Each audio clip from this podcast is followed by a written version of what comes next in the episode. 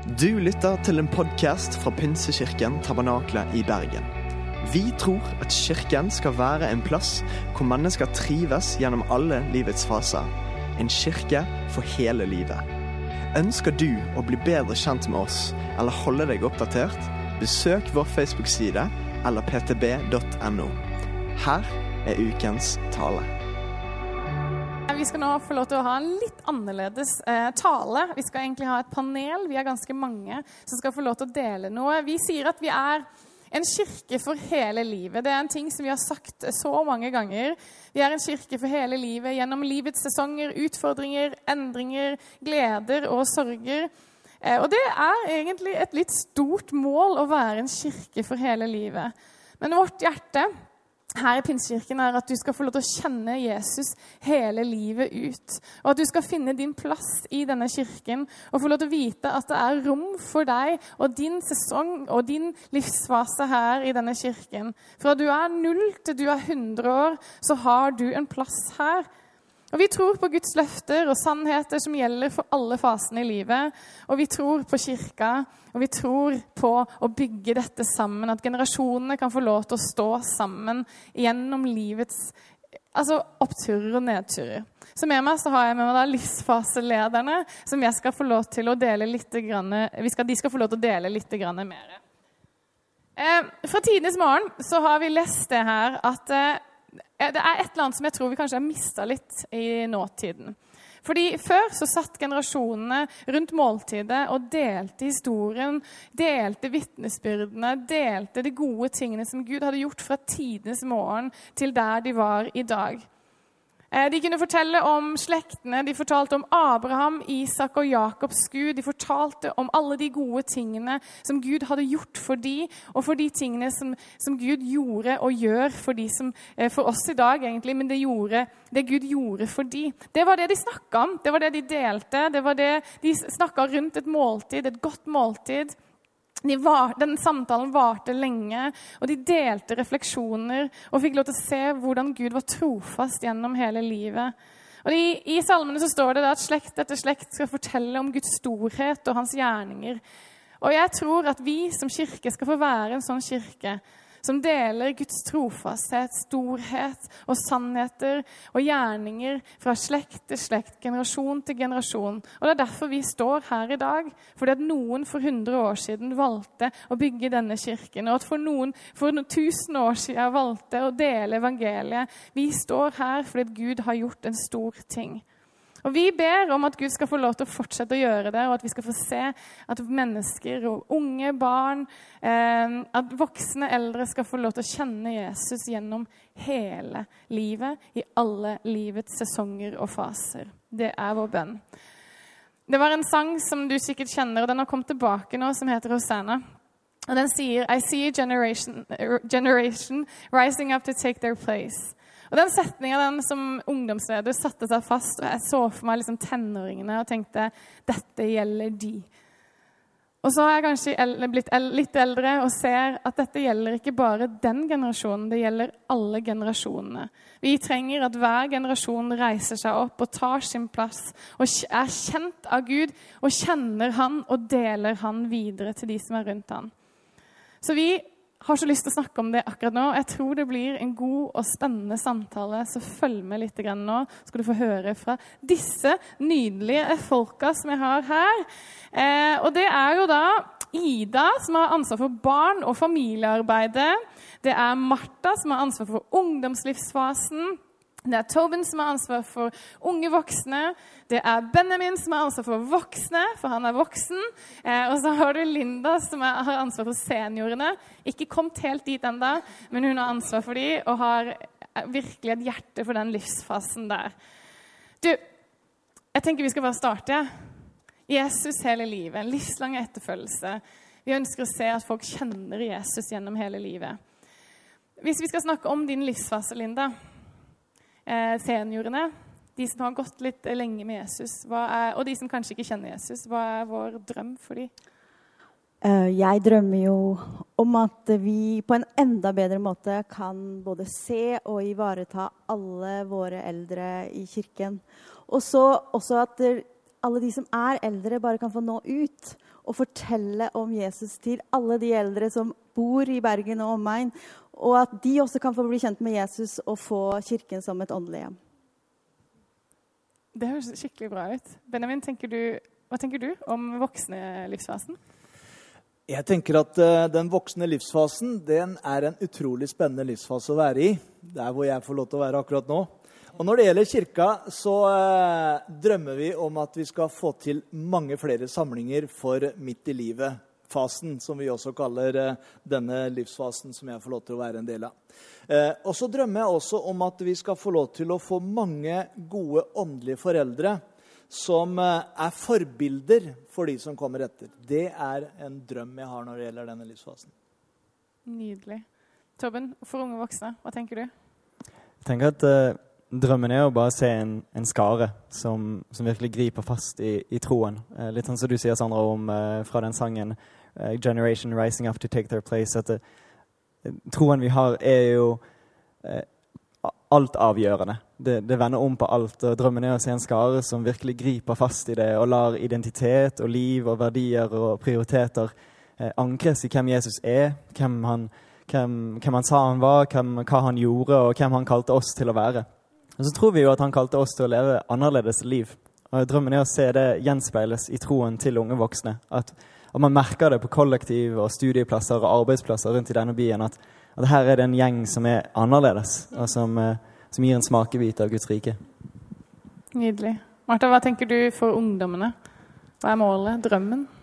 Jeg drømmer om at uh, ungdommer og tenåringer i Pinsekirken skal få lov til å ha et personlig forhold til Jesus. Og Vi sier jo at vi drømmer om at vi skal ha Jesus hele livet. Og da tenker jeg det begynner med at man uh, har et personlig forhold til Jesus sjøl for at det faktisk skal kunne vare. Ja, så det drømmer jeg om å se. Nydelig. Ida, du har de yngste, og så har du familiene. Hva er målet ditt og drømmen din for de? Um, for barna, for Vi snakker jo på en måte om at vi er en kirke med ulike livsfaser. Men også er det sånn at i barnas liv så er det liksom ulike faser allerede da. Så jeg drømmer om at uh, barn skal få lov til å kjenne at uh, de elsker Gud, uh, de elsker livet, og at de kan få lov til å elske andre. Eh, og så får det liksom tilpasset til hver egen fase i eh, barnas oppvekst. da, Helt fra 0 til 19. Og så drømmer jeg om eh, foreldre som blir utrustet til å ta det åndelige ansvaret hjemme. Det er nydelig. Eh, hvis du skulle sagt på en måte en utfordring, kanskje en slags oppmuntring eh, til den livsfasen eller de livsfasene som du leder, hva ville det vært? Ja, eh, godt spørsmål. Eh, jeg gikk til Bibelen, som jeg har lært at jeg skal gjøre. Og i 5. Mosebok, eh, kapittel 6, vers 5, der står det Du skal elske Herren din Gud av hele ditt hjerte, av hele din sjel og av all din makt. Disse ordene som jeg befaler deg i dag, skal forbli i ditt hjerte. Du skal innprente dine barn dem, og du skal tale om dem når du sitter i ditt hus, når du går på veien, når du legger deg, og når du står opp. Så det er jo absolutt en utfordring, eh, men også en oppmuntring. Eh, ofte så har vi tenkt det at trosopplæringen den ligger i kirken. Eh, men undersøkelser det viser at hvis man ser liksom på antall timer i, et, i løpet av et år i et barns liv, så er man 40 timer i kirken hvis man kommer hver søndag, sånn i gjennomsnitt. Så det er ikke så mye. Men at hjemme hos familiene så er de da 3000 timer, og da har man tatt vekk når man er på skolen, barnehage, når man sover, når man er på aktiviteter. Så det sier jo veldig tydelig at det er foreldrene som er de viktigste trosopplærerne i barnas liv. Og Ofte har man også tenkt det at når barna kan respondere, det er liksom da trosopplæringen begynner. Men jeg ønsker at vi som kirke og familiene skal bli utfordret på at den starter allerede idet man får vite at man skal ha et barn. For det er ofte så, Eller nå har ikke jeg barn sjøl, men jeg kan se for meg at når du får et barn, så er kanskje ikke det eh, å be bønnen eller synge det øverste på liksom, listen, for det er veldig mange, mange, andre nye ting. Men jeg tror at det er viktig at eh, man tar tak i det allerede da. For jeg tror ikke at det blir noe lettere å be med en 16-åring enn det gjør med en toåring. Og at man liksom hele veien eh, følger barna i de ulike fasene. Og så er det ulike ting som er viktige i de ulike fasene, og så kan man få lov til å vokse inn i den rollen som trosopplærer. Mm. Eh, og så er det jo liksom sånn mye Hva kan man gjøre, hva kan man ikke gjøre? Eh, man kan kanskje synes at det er veldig overveldende. Men det er veldig viktig for meg å si at dette er ikke noe ansvar vi liksom kaster på foreldrene, og så skal ikke Kirken gjøre noe mer lenger. Men det er noe vi gjør sammen, og vi står på lag. Og vi som kirke må derfor også ta det ansvaret om å gi verktøy til foreldrene, sånn at det kan bli en naturlig del av familielivet, det å drive trosopplæring. Vi som kirke vi har eh, sagt at vi er en del av en trosopplæringsplan som heter 'Jesus hele livet'. Og Den gir veldig konkrete verktøy både til Kirken og til familien hvordan man kan eh, drive trosopplæring. Og Et viktig prinsipp i den eh, trosopplæringsplanen det er over tid. Det handler om relasjoner over tid, at barna skal få høre om Jesus over tid. Og Derfor tenker jeg også det er veldig viktig å ta det inn i trosopplæringstiden. At man trenger å kunne hele Bibelen når barnet er to år, fem år. Men at trosopplæring er også noe som skjer over tid. Da. Og at man kan få lov til å hvile i det, og få lov til å hvile i at det er et samarbeid mellom kirke og hjem. Det bygger et utrolig nydelig fundament for Jesus hele livet. Og egentlig gjelder alle disse livsfasene. Men eh, Martha, hva tenker du bør være og er viktige fokusområder for spesielt unge i dag? Mm.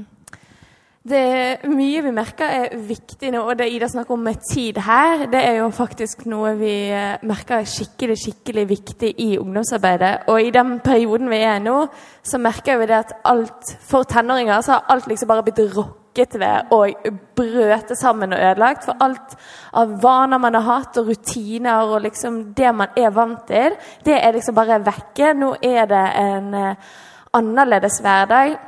Så noe som har vært veldig viktig for oss nå, er å vise at vi som kirke vi er trofaste.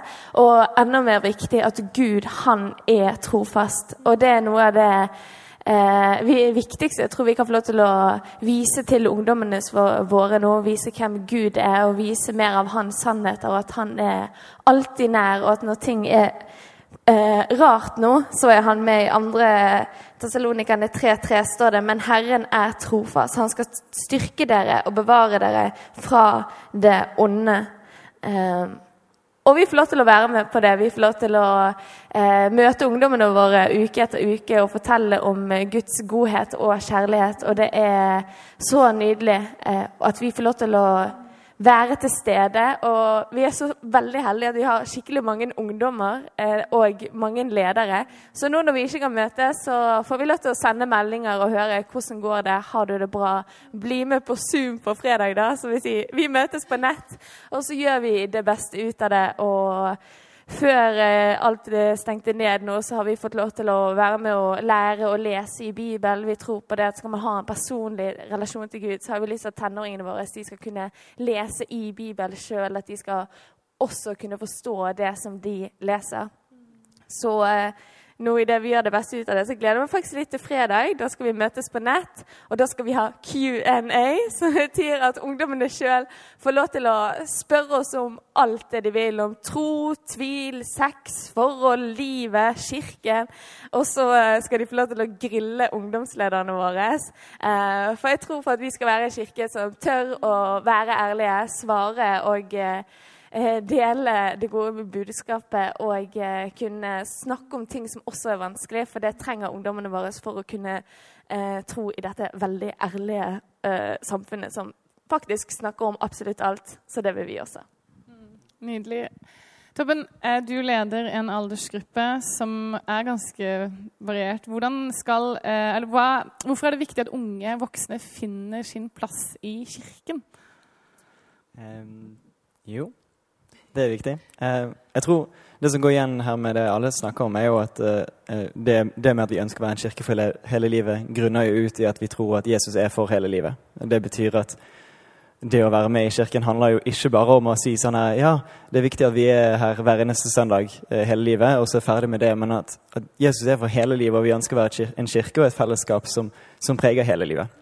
Og når det gjelder unge voksne, så først og fremst er det vanskelig å liksom definere hvem er det som er unge voksne, egentlig. Og eh, de kan se ganske forskjellige ut. Men det som kanskje er et kjennetegn, er at det er en tid av enormt mye endringer i, i livet. Om det er fra å liksom gå fra den trygge rammen av en oppvekst der eh, staten og familien på en måte sier til deg hva du skal gjøre, til at du plutselig skal begynne å bestemme litt selv. At du går fra den gode vennegjengen hjemme til en ny by med nye folk som du ikke kjenner. Om det er at du går fra, fra skole til studie, eller fra studie til arbeidsplass, eller praksis og læring til å plutselig ha ansvar for noe.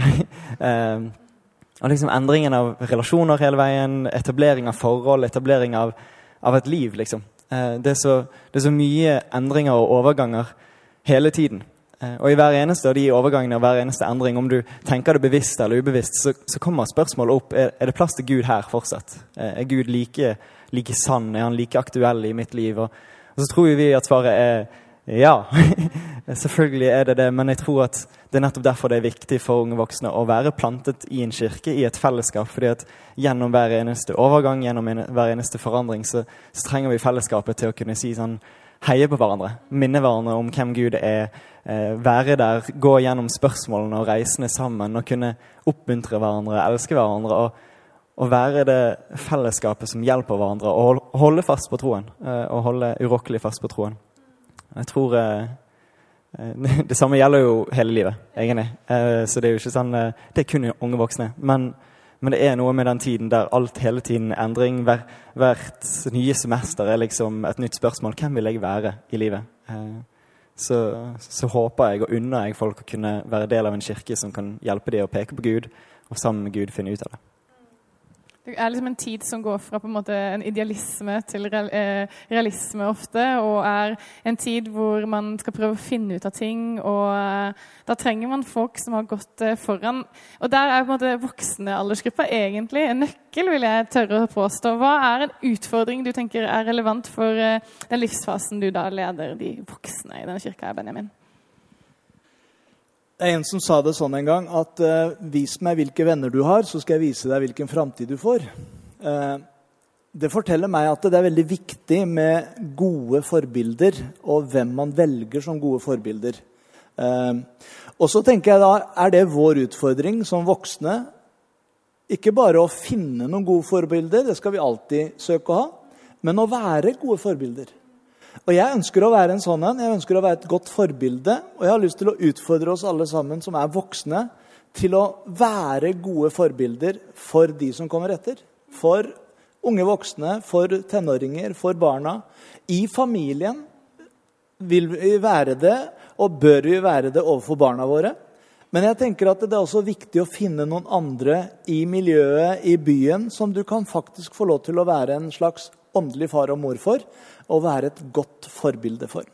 Eh, Ida hun delte helt i begynnelsen her eh, noen flotte vers som Moses utfordra folket på. At det de hadde hørt, det skulle de gi videre. Til sine barn, til sine barnebarn og barnebarnsbarn, står det et annet sted også. Eh, og jeg tenker at det her er så viktig. De største forbildene jeg kanskje har hatt, er mennesker som har levd vanlige liv i kirka. Eh, men det samme livet har de også levd på arbeidsplassen. Eh, og så har jeg fått lov til å bli kjent med dem. Eh, når Moses delte dette med, med folket, så tar Josva tak i dette. Og så er han et forbilde for sin generasjon videre. Da var han den voksne som hadde tatt over, og han sier 'Jeg og mitt hus, vi vil tjene Herren'. Og så ser vi hvordan I Det nye testamentet også så finner vi forbilder. Det eh, kan jo diskuteres om Paulus var gift eller ikke, om han hadde barn eller ikke. De fleste tenker vel at han ikke hadde det. Men han hadde i hvert fall åndelige barn. Han hadde en som heter Timoteus, eh, som han underviste, eh, som han var sammen med, som han brukte tid med. Som han på en måte tok med seg litt sånn på reisa og lærte han ting som han hadde lært. Og så sier han til Timoteus, 'Vær nå du et forbilde'. Altså, Pay it forward. Gi det videre. Eh, og så sier han også til en annen som eh, han hadde eh, som venn, som heter Titus, at hvordan skal du være et forbilde? Ja, Vi kan jo tenke ja, vi må undervise dem alt det vi har lært. Men jeg tenker det beste forbildet det er vi ved måten vi er på. Det å gjøre noe praktisk. At mennesker kan få lov til å se det. Inviter med deg hjem. og eh, Vær deg sjøl. Ikke vær en teolog sammen med dem, men vær deg sjøl som en kristen. Inviter dem inn. Eh, og jeg tror mange trenger noen sånne forbilder som du kan bruke. Eh, vi bor i en by med masse studenter. eh, som kanskje ikke er våre naturlige barn. Men jeg tenker at den tida jeg var student, den tida jeg var ung, så var noe av det beste som skjedde, det var at jeg ble invitert hjem på middag til noen, eller kaffe til noen. eller eh, Hvis ikke du har noe å gjøre i ettermiddag, så ta en tur innom. Og, og det å vite at jeg hadde noen steder jeg kunne bare stikke innom Jeg trengte liksom ikke å bestille en ukes forvarsel med liksom 'passer det da', eller 'passer det da'. Nei, bare kom. Er vi hjemme, så er du velkommen. Og er vi ikke hjemme, så kommer du igjen. Altså, litt sånn, eh, Og jeg tenker at det er så deilig. Og det var med å faktisk forme min ungdomstid min voksentid også. Det å få lov til å se andre som hadde gjort det før, og være sånne forbilder. Og Det drømmer jeg om at vi skal få lov til å være som voksne i denne kirka. Det er mange rundt oss. Eh, det er lett å tenke at nå har jeg kjørt på unger fra de var små. Jeg har kjørt ungdommene til, eh, til eh, fredagskveld. Og nå endelig har de egen bil og lappen. Nå kan de greie seg sjøl. Nå tar jeg fri. Men jeg tenker at det er en veldig dum investering i framtida. Fordi det er da vi også skal få lov til å vise hvordan det er å være voksen og være et eksempel videre. Og Jeg har lyst til å berømme noe som vi har i kirka her, som heter Royal Rangers. De lever noe av dette her. De har voksne ledere som leder ungdomsledere, og som leder barna i RR. Og Litt det ønsket at de skal få lov til å se i hele kirka vår, og at dette begynner å fungere. Nydelig. Vi ser jo også at det, det, er så mange situasjoner og ting som man må gå igjennom fra man er barn til man er gammel, og det har hatt noe som har gått foran, og kunne få lov til å stille spørsmål og kunne få lov til å leve ekte, autentiske Jesusliv. Og Jesusliv er jo det å gå sammen med Jesus, følge han, eh, og det ser vi i Bibelen veldig tydelig. Så det er skikkelig utfordring, og det tror jeg på en måte gjelder til alle generasjoner. Men eh, spesielt eh, tar vi det med oss. Eh, Linda, du, eh, hvordan tenker du at Guds sannheter holder livet ut? Eh, det kan jo også være sånn at man har eh, levd med Jesus lenge, men når man blir litt eldre, hvordan, liksom, hvordan holder de livet ut? Guds sannheter de er jo veldig mange. Og en av Guds sannheter er jo det Jesus sier, at 'jeg er med dere alle dager'. Og Gjennom hele Bibelen, både i Gamle testamentet og Nytestamentet, så kan vi lese om mennesker som fra de var unge, så levde de med Gud. Og de levde et langt liv med Gud, og helt til de ble gamle. Og så leser vi ofte på slutten av livet, så velsigner de etterslekta si, de som kommer etter. Men for meg, da, så er det kanskje nærmest det jeg har sett, hvordan livet med Gud og sannheten varer livet ut. Det har jeg sett i mine besteforeldre og i mine foreldre. Og når jeg tenker på det, Mine besteforeldre de var jo unge voksne under den andre verdenskrig. Og f.eks. bestefar han ble kristen som en ung voksen. Og etter det så mista han jo kona si, så han ble tidlig enkemann. Han fikk en stor ungeflokk, hadde ikke alltid så god råd. Men uansett, da, selv om livet ikke var så enkelt, så levde han med Gud hele veien. Og mine andre besteforeldre også, som også var kristne, de, huset deres brant ned når de var unge med en stor ungeflokk. Og det var ikke så lett, men de bare levde med Gud. Og når de var blitt gamle, så viste de oss barnebarna at det holder hele livet. Livet sammen med Gud holder. Og så kanskje foreldra mine, som er mine største forbilder. Jeg har jo tenkt også på det. Pappa han var både lærer og drev småbruk. Eh, de bygde sitt eget hus. Eh, de fikk fem unger, så de hadde jo egentlig ganske sånn hektisk liv. Altså travelt. Det må jo ha vært forferdelig travelt. Eh, men allikevel så gjorde de noen prioriteringer. Og det var at de satte Gud først. Og det prega vårt liv. Gud var med i hverdagen vår. De lærte oss opp og de lærte oss til å elske Gud. De var i kirka med oss hver eneste uke. Og selv om de hadde dårlig råd, selv om det var vanskelige dager, så hadde vi Gud med i hverdagen. Og når vi skulle forberede begravelsen til pappa, så hadde han sjøl valgt ut noen sanger og en av de sangene han ville at vi barna skulle synge, det var en sang som handla om Guds trofasthet. Og jeg tror kanskje det er noe av det som eh, definerte det livet pappa og mamma og vi alle hadde med Gud, og det var at Gud var trofast, og han var med hele veien. Og akkurat den sannheten den kan vi også lese om i klagesangene. 3, 23 og 24. Der står det 'Herren er nådig, vi går ikke til grunne'. Hans barmhjertighet tar ikke slutt.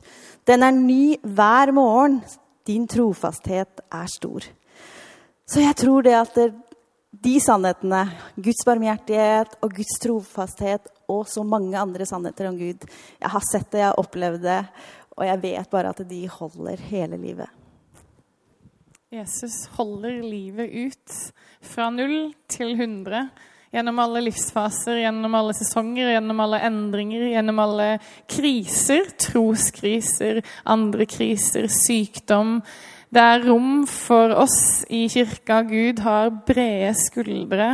Han tåler oss. Eh, og vår bønn må jo være å kunne tåle hverandre og kunne møte hverandre med den kjærligheten som Gud viser oss igjen og igjen. Den trofastheten. Den står fast. Gud er stødig, han er stabil.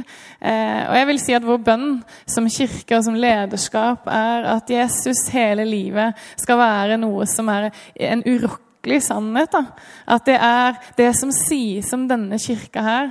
At vi er en kirke for hele livet, for alle sesonger.